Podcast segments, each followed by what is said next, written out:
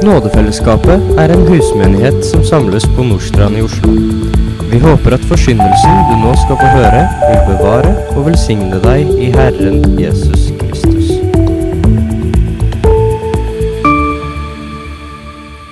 Overskriften jeg har satt, er du ham verd? Er du ham verd? Og det er kanskje en litt merkelig overskrift, kan du tenke. Og det må jeg medgi at det i grunnen er. Altså Grunnleggende sett så er det litt uh, merkelig overskrift. Fordi troen, frelsen, arveretten til himlenes rike, det er noe jeg ikke gjør meg fortjent til. Det er noe jeg ikke er verdig mottaker av på noe som helst måte. Jeg har altså fått det fullstendig ufortjent. Av nåde. Og så har jeg fått det fra en som var villig til å gi det til meg mens jeg fortsatt var fiende av ham. Og Likevel så er det altså Jesus som snakker om at noen mennesker er ikke han verdt. Må man gjøre seg verd for å få noe av Jesus? Eller er det noen som allerede har fått alt av Jesus, men som ikke finner Jesus verd å leve for? Kjære Herre, vi ber deg om at eh, ditt ord nå må få lyde klart og tydelig. At det kunne få bli talt slik som ditt ord taler, Herre. Til oppbyggelse og trøst og frelse. Til håp og til hjelp i det livet som vi skal leve mens vi fortsatt er her på jorda. Må du åpenbare ditt ord for oss slik bare du kan, i Jesu navn. Amen. Kanskje har noen av dere hørt om en som heter John Bunyan. Jeg hadde ikke hørt om han før for noen år siden. Kanskje ja, det er ti år siden eller noe sånt. Jeg hørte om han første gang. Det var en mann som levde på 1600-tallet, så det er kanskje ikke så rart hvis du ikke har tenkt eller hørt noe om han. Det var en mann som satt tolv år i fengsel fordi han offentlig gikk rundt og forkynte Guds ord. Og det var sånn at Hvis du samla mer enn fem personer utafor sognets kirke til en religiøs samling, så brøt du landets lov. Vi hadde litt det samme i Norge det, med Hans Nilsen Hauge som brøt den såkalte dissenterloven. Det var mye av det samme som skjedde der. Og mens John Bunyan satt i fengsel, så skrev han dette. Avskjeden med min kone og fattige barn har ofte vært for meg på dette stedet som at kjøttet kjøttet blir revet fra mine ben. Og det er ikke bare fordi jeg er for glad for nåden som de for meg representerer, men også fordi jeg ofte har måttet tenke på de mange vanskeligheter, elendighet og lengsler som min fattige familie vil møte når jeg blir tatt bort fra dem. Spesielt mitt fattige, blinde barn som ligger nærmere mitt hjerte enn alle andre som jeg har. Og tanken på vanskelighetene min lille blinde vil måtte holde ut, kan bryte mitt hjerte i stykker. Likevel minner jeg meg på at jeg må våge alt med Gud. Selv om det går fort å forlate deg. Og i denne tilstanden så jeg på meg selv som en mann som river huset ned over hodene på sin kone og sine barn. Skjønt må jeg likevel gjøre det. Jeg må gjøre det. Jeg vet ikke om du hører smerten her. Om du ser offeret, og om du gjenkjenner lydighet. Eller om det er helt andre ting du nå begynte å tenke på. Kanskje kan du også klare å forestille deg alle de anklagende stemmene. John han ødelegger sin kone og barn. Han lar dem lide, sulte. Han lar dem gå for lut og kaldt vann. Bare han kan få lov til å reise rundt og late som han er noe. For å få stå foran folk og fortelle dem hva de kan og ikke kan gjøre. Ikke ville han høre på prestene, og så tror han at han er bedre enn dem. Myndighetene vil han heller ikke underordne seg slik en kristen skal og burde gjøre. Det er rett og slett et pass for han at han er i fengsel. Og så kaller han seg en kristen. Etterfølgelse, det å være en ambassadør for Kristus, det kosta altså John Bunyan mye. Men det kosta hans nærmeste familie veldig mye. Og de var på mange måter, om du vil bruke et sånt uttrykk, uskyldige ofre. Kan noen tenke deg, i hvert fall. Og Likevel var det altså nettopp der i fengsel, og fordi han kom i fengsel, at John Bunyan skrev den boken som er blitt verdens nest mest leste bok etter Bibelen. Denne boken som heter The Pilgrim's Progress.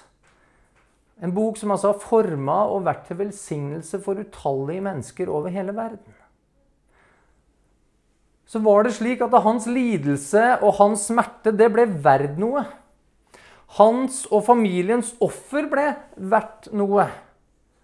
De konflikter han sto i, både med myndigheter, med presteskap og sikkert også i forhold til sin kone og sin familie, det skapte likevel god frukt. Det skapte god frukt. I Norge så er dette her nå det er noe veldig, veldig fremmed. Tanken om at tjenesten kan sette en i utrygghet, i fare, kan koste en helsen, kan koste en livet, det, det er ikke akseptert. Hvis det skjedde, så ville den misjonsorganisasjonen de ville møtt, blitt møtt med krass kritikk. De ville blitt saksøkt av utsendingene. Og Dersom tjenesten går utover barn og ektefelle, så ville mennesker tenkt at det vedkommende som lot det skje, han forsømte kallet sitt. Han kunne umulig vandre etter Guds vilje. Og det, venner, det er en del av et stort problem som gjør at kristen tro er der den er i vår del av verden. La oss lese dagens tekst slik vi finner den i Matteus 10, vers 34-39. Dere må ikke tenke at jeg er kommet for å bringe fred på jorden. Jeg er ikke kommet for å bringe fred, men sverd. Jeg er kommet for å sette skille mellom en mann og hans far, mellom en datter og hennes mor, mellom en svigerdatter og hennes svigermor, og en manns husfolk skal bli hans fiender. Den som elsker far eller mor mer enn meg, er meg ikke verd. Den som elsker sønn eller datter mer enn meg, er meg ikke verd. Og den som ikke tar sitt kors og følger etter meg, er meg ikke verd. Den som finner sitt liv, skal miste det. Men den som mister sitt liv for min skyld, skal finne det. Et av navnene som Messias blir gitt av profeten Jesaja i Det gamle testamentet, er fredsfyrste. Et ord jeg syns det svinger godt av. Det er liksom Prince of Peace. Ja, det er greit, men fredsfyrste, det er, det er heftige greier. Og disiplene som Jesus hadde samla rundt seg her, de hadde helt sikkert begynt å kjenne på en fred. De hadde begynt å kjenne at de var i nærheten av denne fredsfyrsten. De hadde begynt å kjenne det inne i seg. En, en, dyp og stille fred som hadde senket seg over tanker, over sinn. En fred som drev bort frykt. Som stilla sorg, stilla savn, en fred som ga håp. Og De hadde begynt å erfare en fred, og så begynte de å forvente at denne freden den skulle jo bare øke nå i omfang. Den skulle utvide seg fra her inne, og så skulle den begynne å manifestere seg der ute. Nå skulle det begynne å bli fred mellom mennesker. Fred i nære relasjoner. Fred blant de innafor samme etniske gruppe. Fred mellom nasjoner. Fred for Israel. Og deretter fred over hele verden. Det var slik de forsto profetiene. Og disse mennene, de trodde. Og nå hadde de større grunn enn noen gang til å tro enn det de hadde hatt før. Og så er det altså han som skal være fredsfyrsten, som sier dette her som underviser sine disipler om at etterfølgelse av ham vil innebære konflikt. Ikke bare litt sånn småkjekling, men han bruker altså ordet sverd. Og det vitner altså om det motsatte av fred. Ikke, ikke bare litt sånn ufred, men direkte krig. Han vitner om at en må miste sitt liv. Fredsførsten sier at han ikke er kommet for å skape fred på jorden, men at hans komme vil innebære krig. At det vil innebære en konflikt som vil nå inn i de nærmeste relasjoner. Og Når vi opplever konflikt i slike relasjoner, så sier vi gjerne ja, det er ikke rart det blir krig i verden. Og det gjør vi jo selvsagt fordi vi forstår at når noen som står hverandre nær, og som burde ha all grunn til å ha omsorg og omtanke og være glad i hverandre, når det kan skape så mye bitterhet og til og med hat i, i slike relasjoner, da er vi ikke det minste overrasket over at det kan bryte ut storskala krig mellom mennesker som ikke har noen relasjon til hverandre. Der du ikke går rundt og føler noen spesiell kjærlighet eller opplever å ha noen forpliktelse overfor dem. Dere må ikke tenke at, sier Jesus. Og Det er fordi han visste at disiplene tenkte at nå kom det til å bli fred på jorden. Det var deres ønske, det var deres lengsel. Og de kunne kjenne den ufreden på kroppen, for de var okkupert. De var et undertrykket folk. Og vi kjenner også på krig. Kanskje nå mer enn på en god stund. Og likevel, selv om vi er mye mer distansert fra det enn disiplene, så kjenner vi den fra historiebøkene. Vi som har prøvd å studere litt historie, vi har satt oss kanskje grundig inn i krigens gru, og vi kan se det nå på nyhetene, beskrevet daglig. Og også vi kan kjenne på en lengsel etter fred. Det er naturlig. Det er menneskelig. Og Fortsatt er det mange som kaller seg Jesu disipler, som tenker at det skal bli fred på jorden. Men Jesus han snakka sant, han, selv om vi synger 'Fred over jorden, menneske, fryd deg'. Han, han kom ikke for å skape fred på jorden. Og selv etter 1000 år med fred, når Jesus skal regjere på sin trone midt i Jerusalem, så skal det altså bli krig. Igjen. Hvilken fred er det da Jesus er fyrste for? Vi mennesker vi vil gjerne være sånn som Ole Brumm. Vi har lyst til å si ja takk, begge deler. Vi vil gjerne begjære, vi vil gjerne misunne, vi vil gjerne dyrke tristhet og melankoli når det passer seg. Vi kan gjerne fantasere om vold og sex og utøve det også for den saks skyld. Gjerne stjele og lyve og utnytte andre. I hvert fall hvis det kan skje litt distansert og, eller i, i, det skjulte, og vi kan slippe av dårlig samvittighet for det. Og Samtidig så går man rundt altså, og håper på fred på jorden. Fred. Spesielle drømmere tenker at det vil bli fred dersom alle mennesker har like mye ressurser, like mye penger, like muligheter. Ja, noen snakker til og med om likt utkomme. På tross av at evnene og mulighetene for det er radikalt forskjellig. Fred om bare alle mennesker blir tolerert, uavhengig av den subjektive sannhet som de måtte forfekte og ha, den moral de måtte utvise, de handlinger de gjør, og de holdninger de har. Ja, tolerere, bortsett selvfølgelig fra de vi ikke kan tolerere pga. deres moral og handlinger og holdninger, da, selvsagt. Om dette er mest tragisk eller mest komisk, det skal ikke jeg ha noen formening om. Men det jeg kan si, er at det er fullstendig urealistisk. Fullstendig selvmotsigende. Og om man arbeider for den type fred, så er det et fullstendig dødfødt prosjekt. Det vil garantert ende opp i diktatur og katastrofer, slik det alltid tidligere også er gjort når dette har vært forsøkt. Nei, tenk ikke slik. Tenk ikke at jeg er kommet for å skape fred på jorden. Går du og forventer fred, så vil du umulig kunne gjøre det du er kalt til som en Jesu etterfølger. Den fred Jesus er fyrste for, det er freden med Gud. En fred som først er avhengig av at synd blir sona, og at synd blir straffet. En fred som er avhengig av adskillelse. Og så vil det samtidig aldri i evighet kunne gå an å ta bort muligheten for ondskap. Jeg vet ikke om du har tenkt på det?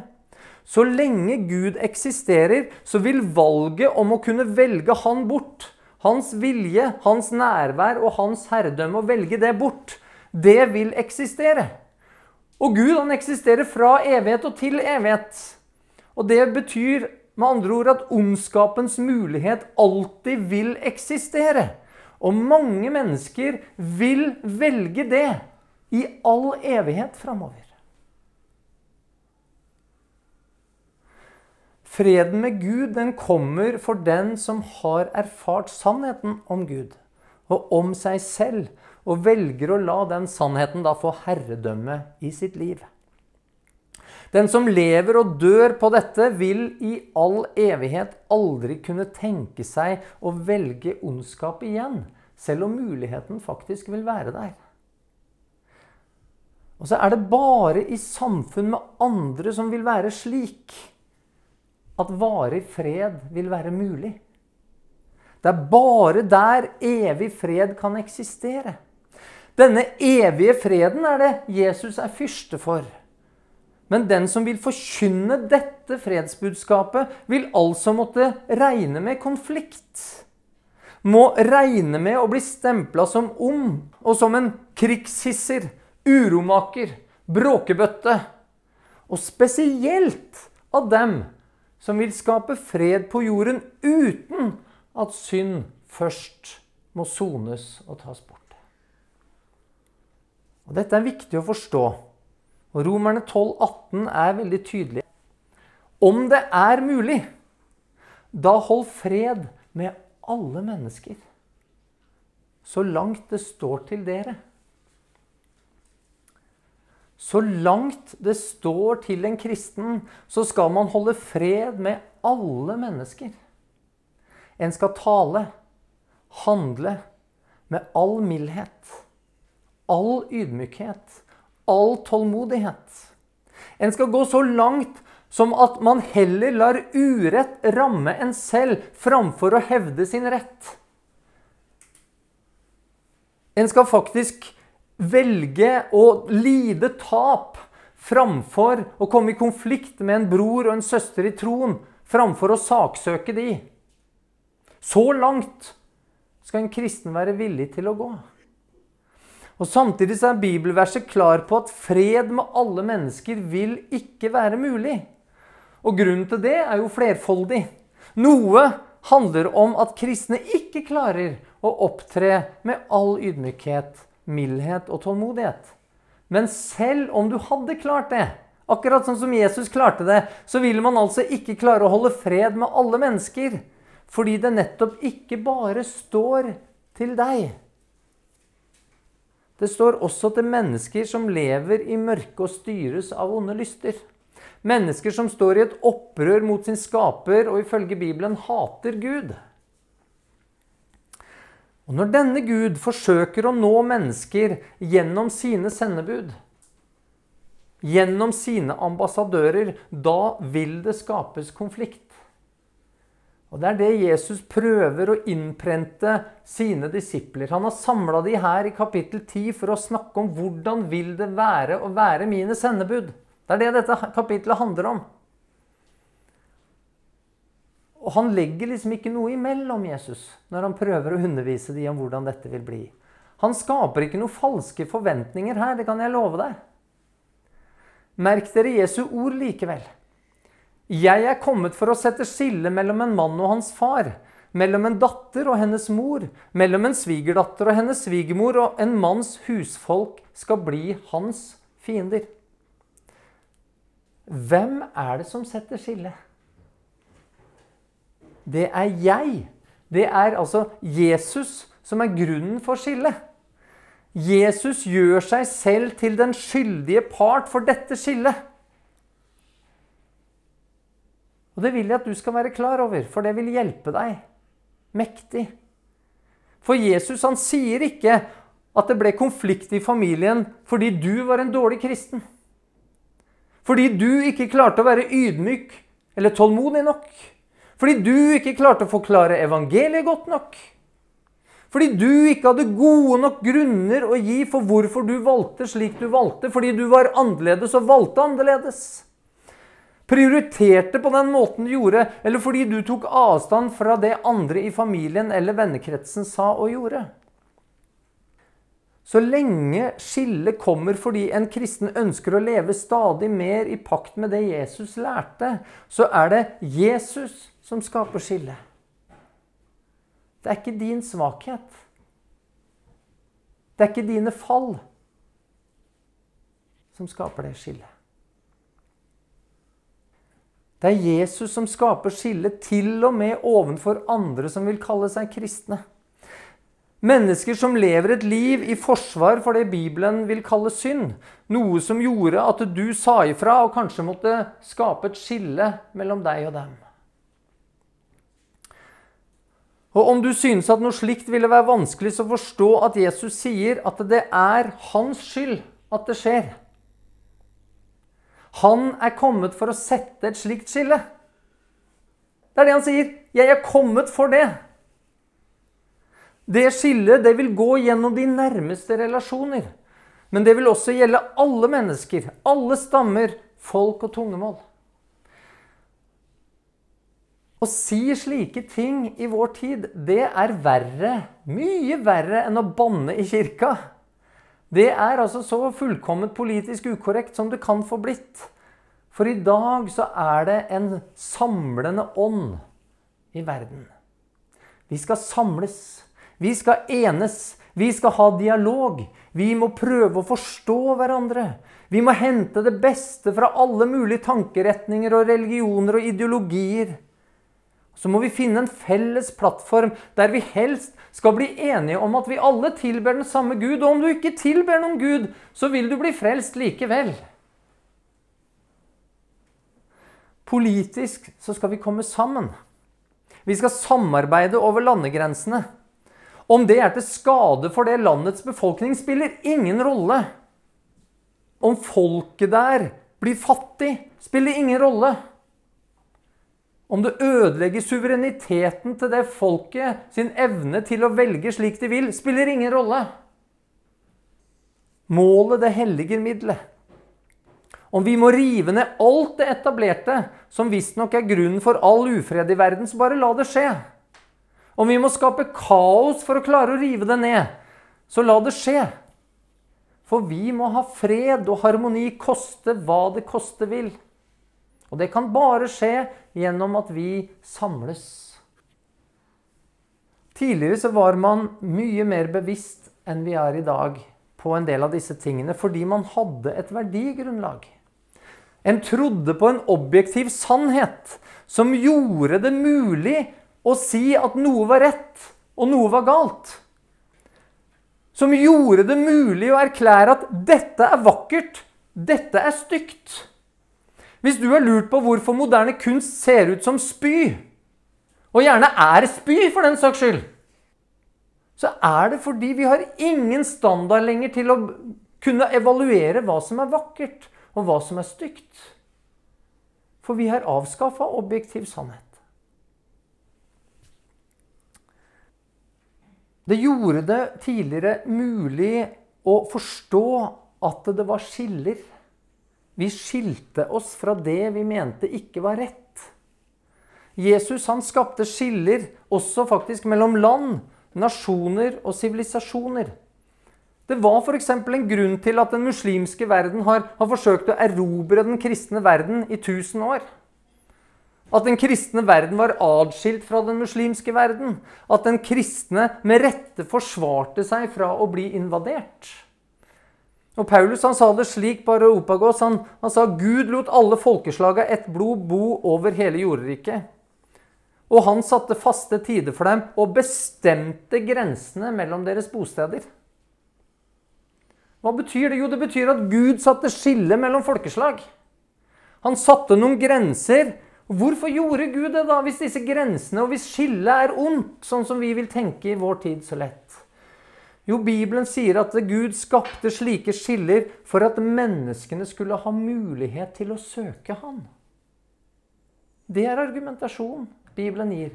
Skillene er der for at mennesker i det hele tatt skal ha mulighet til å få samfunn med Gud.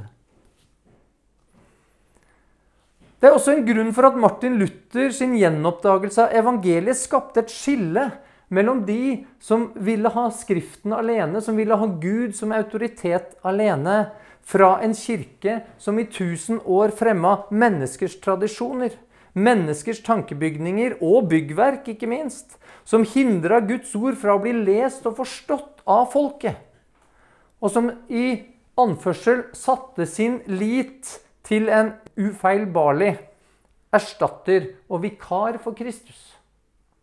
At det ble et skille der. Helt åpenbart at det måtte komme. Babylon vil samle mennesker.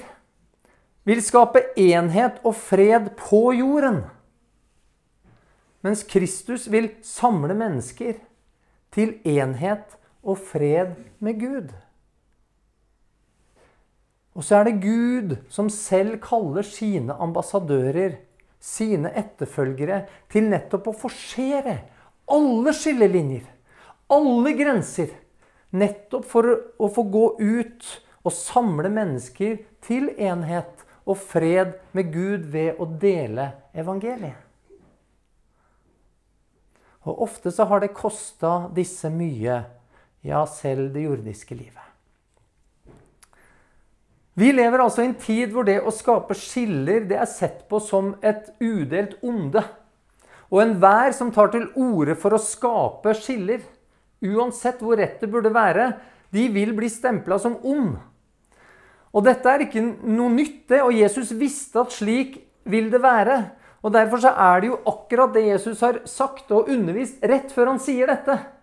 At har de kalt meg ond, så vil de kalle dere det mye mer. En kristen er kalt til å leve et hellig liv. Til å være hellig slik vår himmelske Far er hellig. Og det betyr å skille seg og gå bort ifra det som er vanhellig. Skape avstand mellom det og seg selv. Skape skille også der det vil være smertefullt og koste deg noe.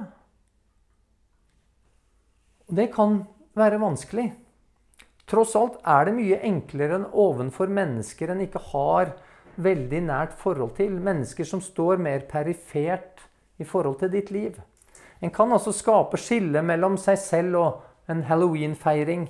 En kan skape skille mellom seg selv og rus og hor på julebordet. En kan skape skille mellom seg og bekjentes besøk på en humoraften der humoren bare befinner seg under beltestedet. Eh, eller det går på bekostning av Guds ære eller mennesker, for den saks skyld. Eller grupper. En kan skille, skape skille mot mennesker som bare driver med tomt og vanhellig snakk. Mennesker som helst vil fylle seg med urent innhold gjennom TV og kino. Og mennesker som, sånn som vi står midt oppi nå, som vil lage spøkelseshus på skolens dag i kirken. Et hellig liv. Slike skiller, enten de er midlertidige eller permanente, det kan skapes uten at det trenger å skape så veldig sterke reaksjoner fra de rundt oss. Og noen vil heller ikke våge å si hvorfor de forsøker å skape disse skillene. Og de vil forsøke å skjule grunnen for skillet. Men er det pga. ønsket om å leve et hellig liv, så bør det tales åpent om hvorfor som et vitnesbyrd. Men Jesus han peker ikke på de perifere, litt enklere tingene. Han går til det som er vanskelig, som virkelig er vanskelig. For han peker på den nærmeste familie. Fordi det nettopp der ikke er lett å skape skiller som forblir uten sterke reaksjoner. Der det å skape skiller får voldsomme konsekvenser skaper følelser. Å skille en sønn fra sin far og en datter fra sin mor, det er drastisk. Det gir store konsekvenser. Ufred å skille til svigerfamilie, det er ubehagelig og drastisk.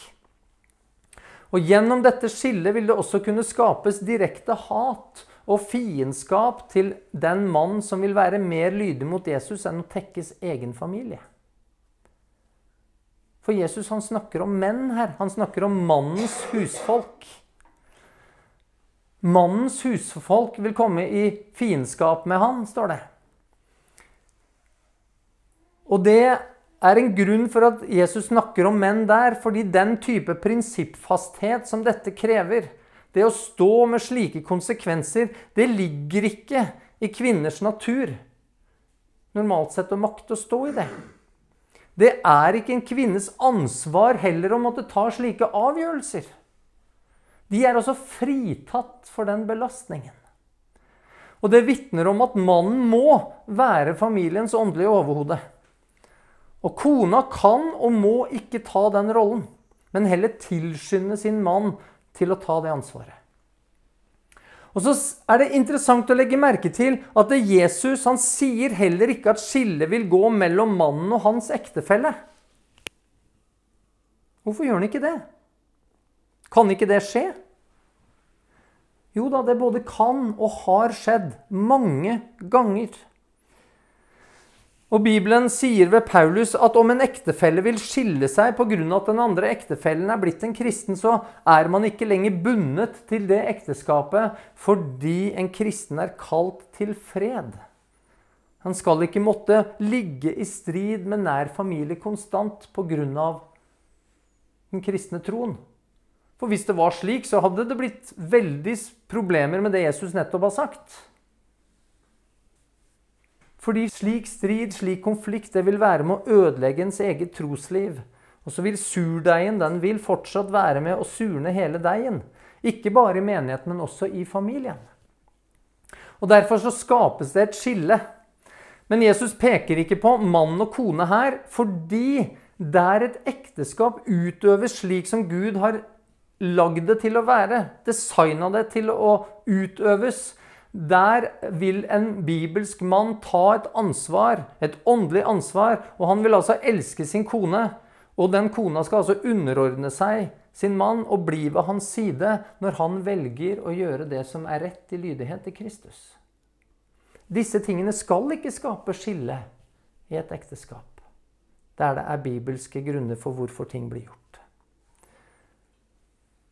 Det skal altså ikke skapes noe skille mellom de to som er ett, selv om det altså kan bli et skille både mot sønner og mot døtre og far og mor. Den som derimot ikke er villig til å skape slike skiller fordi en elsker sin far og mor, sin sønn og datter, mer enn Jesus, de åpner opp for frafallet å komme inn i sitt eget hjem inn i sitt eget liv. De vil stilltiende begynne å godta synd. Stilltiende begynne å godta urenhet. Og sakte, men sikkert så vil den surdeigen spise opp troen og lydigheten fra innsiden. Og disse tingene er høyaktuelle. Har alltid vært det, men er det ikke minst nå. Tenk om du har barn som kaller seg kristne. Og så lever de i hor i form av samboerskap eller likekjønna parforhold. Og hva gjør du om de vil komme på besøk? I Norge i dag så vil sikkert de fleste si at de selvsagt er velkomne om å få komme på besøk. Men bibelsk sett så er det overhodet ikke selvsagt. For slike skal du ikke engang spise med. Og så sier Jesus at du vil bli kalt ond. Du vil bli kalt en djevel. Hvis du begynner å gjøre det han sier du skal gjøre. Hvis du begynner å tenke på konsekvensen av dette, så kanskje begynner du nå endelig å, si, å forstå hvorfor. Hva svarer du f.eks. dersom dine samboende barn som ikke kaller seg kristne, dersom de vil sove over i ditt hus på samme rom? Skal du tillate det og omfavne synden da i toleransens navn? Eller skal du gjennom ditt svar peke på en sannhet som de ikke vil følge, men som de vil være nødt til å følge dersom de skal være i ditt hus? Et krav som gjør at du står i fare for at de ikke lenger vil ha kontakt med deg. Hva om din datter blir prest? Skal alt forbli som før? Eller tar du et oppgjør med at din datter nå lever i full konfrontasjon og opprør til Guds ord og ordninger? Bryter du kontakten? Skaper du skille? Klarer du å stå i beskyldningene som både hun og helt sikkert mange andre som kaller seg kristne, da vil kaste mot deg? Er du Jesus verd? Er din tro slik at du tar opp ditt kors, og at du dermed mister ditt liv slik du kjente det? Mister noen av dem du elsker høyest her i verden? Ja, for du, du elsker de. Det er ikke hat du skaper skiller. Men du gjør det fordi du beskytter deg selv. Du beskytter din kone. Men også for å illustrere for de rundt deg den evige adskillelse som venter og vil være konsekvensen dersom de ikke endrer sine tanker og handlinger. Du bruker altså et veldig sterkt virkemiddel for å gi dem en mulighet til å omvende seg og igjen bli omfavna både av Gud og deg. Jesus forventer deg heller ikke at du ikke elsker dem. Tvert imot. Han forventer at du elsker dem. At du elsker dem så høyt at du vil se dem frelst. Han spør bare om du elsker dem mer enn du elsker han. Korset vil raskt kunne være den smerte slike skiller vil medføre, nettopp fordi du elsker. Det hadde ikke smerta så mye om du ikke elska. For hvis du hata de, så hadde det ikke kosta deg så mye å skape skille. For det skillet, det ville du ha. Men det er nettopp fordi du elsker, at skillet blir smertefullt. At det blir tyngden av et kors som du må bære. Og dette skaper fiendskap ja, Det kan altså skape et fiendskap som blir så sterkt at du til og med kan miste ditt liv. Og det kommer en tid, sier Jesus, da sønnen skal angi sin far og volde hans død. Fordi en vil være en Jesu etterfølger. Den som ikke tar sitt kors og følger etter meg, er meg ikke verd. Jesus han bruker korset som et bilde her på hva det vil si å etterfølge han. Mange som kaller seg kristne, lever som om bruken av korset som symbol her er nærmest en spøk. Noe de ikke trenger å ta alvorlig. De har ikke engang forsøkt å løfte noe kors. Nei da, det er ukjærlig å pålegge noen det. Det er ukjærlig å gjøre og si det som kan skape den tyngden av et kors på noens skulder. Andre vil hevde at det kristne livet det er framgang, rikdom og god helse. Korset har ingen plass i den type teologi. Ikke det at de ikke vil forkynne Jesus korsfesta. Men dere må forstå, venner, at dette sier Jesus før han har dødd på korset. Når Jesus bruker bildet om kors her, så handler det overhodet ikke om soning. Det handler ikke om frelse. Det handler kun om det korset var brukt til. Lidelse. Død. Du kan ikke pynte på dette korset som Jesus snakker om her, ved å tenke på frelsen og soningen og alt det fantastiske som Jesus utførte. Disiplene de kjente imidlertid godt til hva et kors representerte. Bare noen få år før Jesus sa dette, så var det en selot ved navn Judas som hadde fått med seg en god og stor gruppe menn for å gjøre opprør mot romerne. Og Opprøret det ble enkelt slått ned. Og For å lære jødene en lekse så fikk den romerske generalen Varus 2000 jøder korsfesta. Og Disse korsene de sto langs veiene i hele Galilea, fra den ene enden til den andre, som et sterkt vitnesbyrd om hva som skjer av lidelse og død hvis du skulle prøve å finne på noe av det samme igjen. Når Jesus altså brukte dette før sin egen soningsdød og alt det vi forbinder et kors med, så var alt det fjernt fra disiplenes tanke. Det må være fjernt fra din tanke hvis du skal forstå hva Jesus prøver å fortelle deg i dag. Etterfølgelse er å ta opp sitt kors. Og det vil medføre smerte og lidelse pga. de valg som du da må gjøre.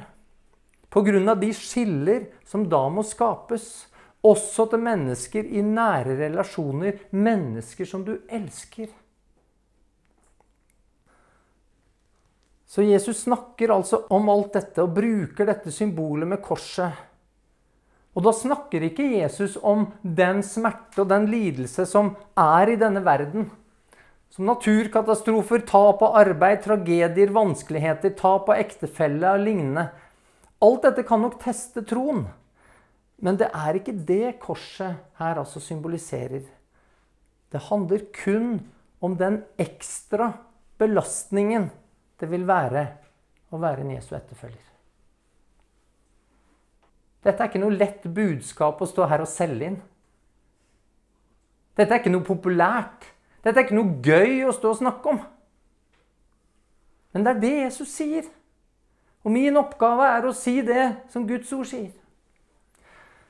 Og Om Jesus hadde stoppa her, så kan man også lure på om noen ved sine fulle fem ville valgt å ha han som herre i sitt liv. Men så legger altså Jesus til Den som finner sitt liv, skal miste det. Men den som mister sitt liv for min skyld, skal finne det.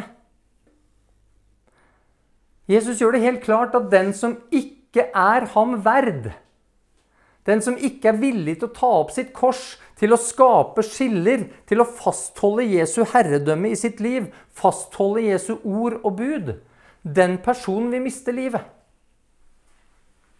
De vil miste det evige livet. De går fortapt.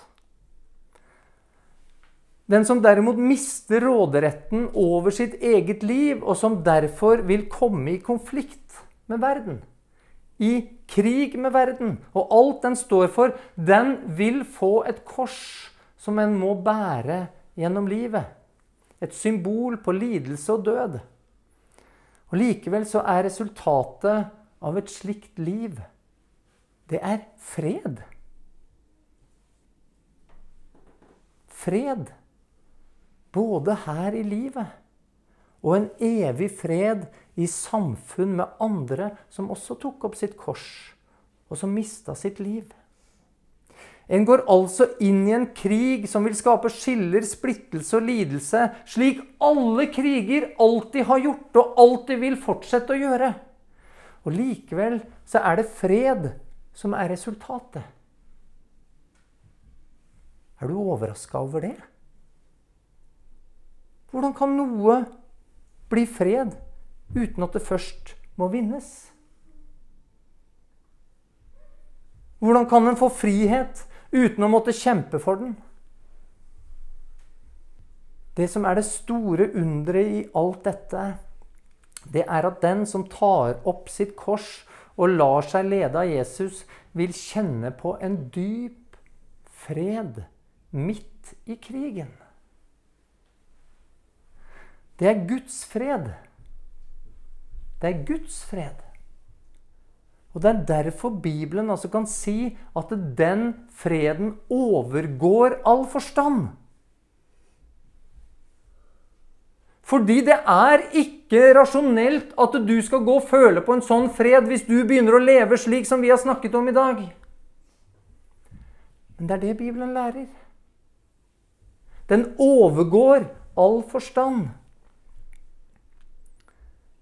Og ikke bare det, men den bevarer hjertet og tankene. Tenk ikke slik, men tenk slik. Så vil Guds fred, som overgår all forstand, bevare ditt hjerte og dine tanker i Kristus Jesus. Og så vet vi mer enn disiplene visste når Jesus sa dette til dem. For vi vet at Jesus han har allerede vunnet seier. Det burde være lettere for oss å forholde oss til dette enn det var for Jesu disipler. Det liv som han sier vi skal finne, det er det Jesus som er garantisten for. Han som oppsto fra de døde, etter da ironisk nok å ha båret sitt kors for å fjerne skillet som sto mellom deg og Gud. Og derfor, venner, så er det han her ber deg om, det er han verd. Kjære Jesus, vi vil takke deg for ditt ord til oss i dag. Vi vil takke deg for at du er verdig. Du er verdig all pris, all takk, all etterfølgelse, all lydighet. Og så kan vi kjenne absolutt alle som hører dette budskapet, Herre, at dette utfordrer oss, Herre. Dette er vanskelig. Dette krever noe av oss som vi kan kjenne er kanskje for stort for oss. Men så har du sagt, Herre, at du skal gi oss en fred midt oppi dette. Midt i striden, midt i kampen, midt i smerten og sorgen. En glede som er i Herren så ber vi deg, Herre, om at vi kunne få leve slik at vi fikk lov til å kjenne på denne gleden og på denne freden som overgår forstanden, fordi vi kan få lov til å kjenne på den midt i alt dette. Takk, Herre, for at du er verd dette. Og så ber vi deg, Herre, stell med oss slik at vi er verd deg. Amen.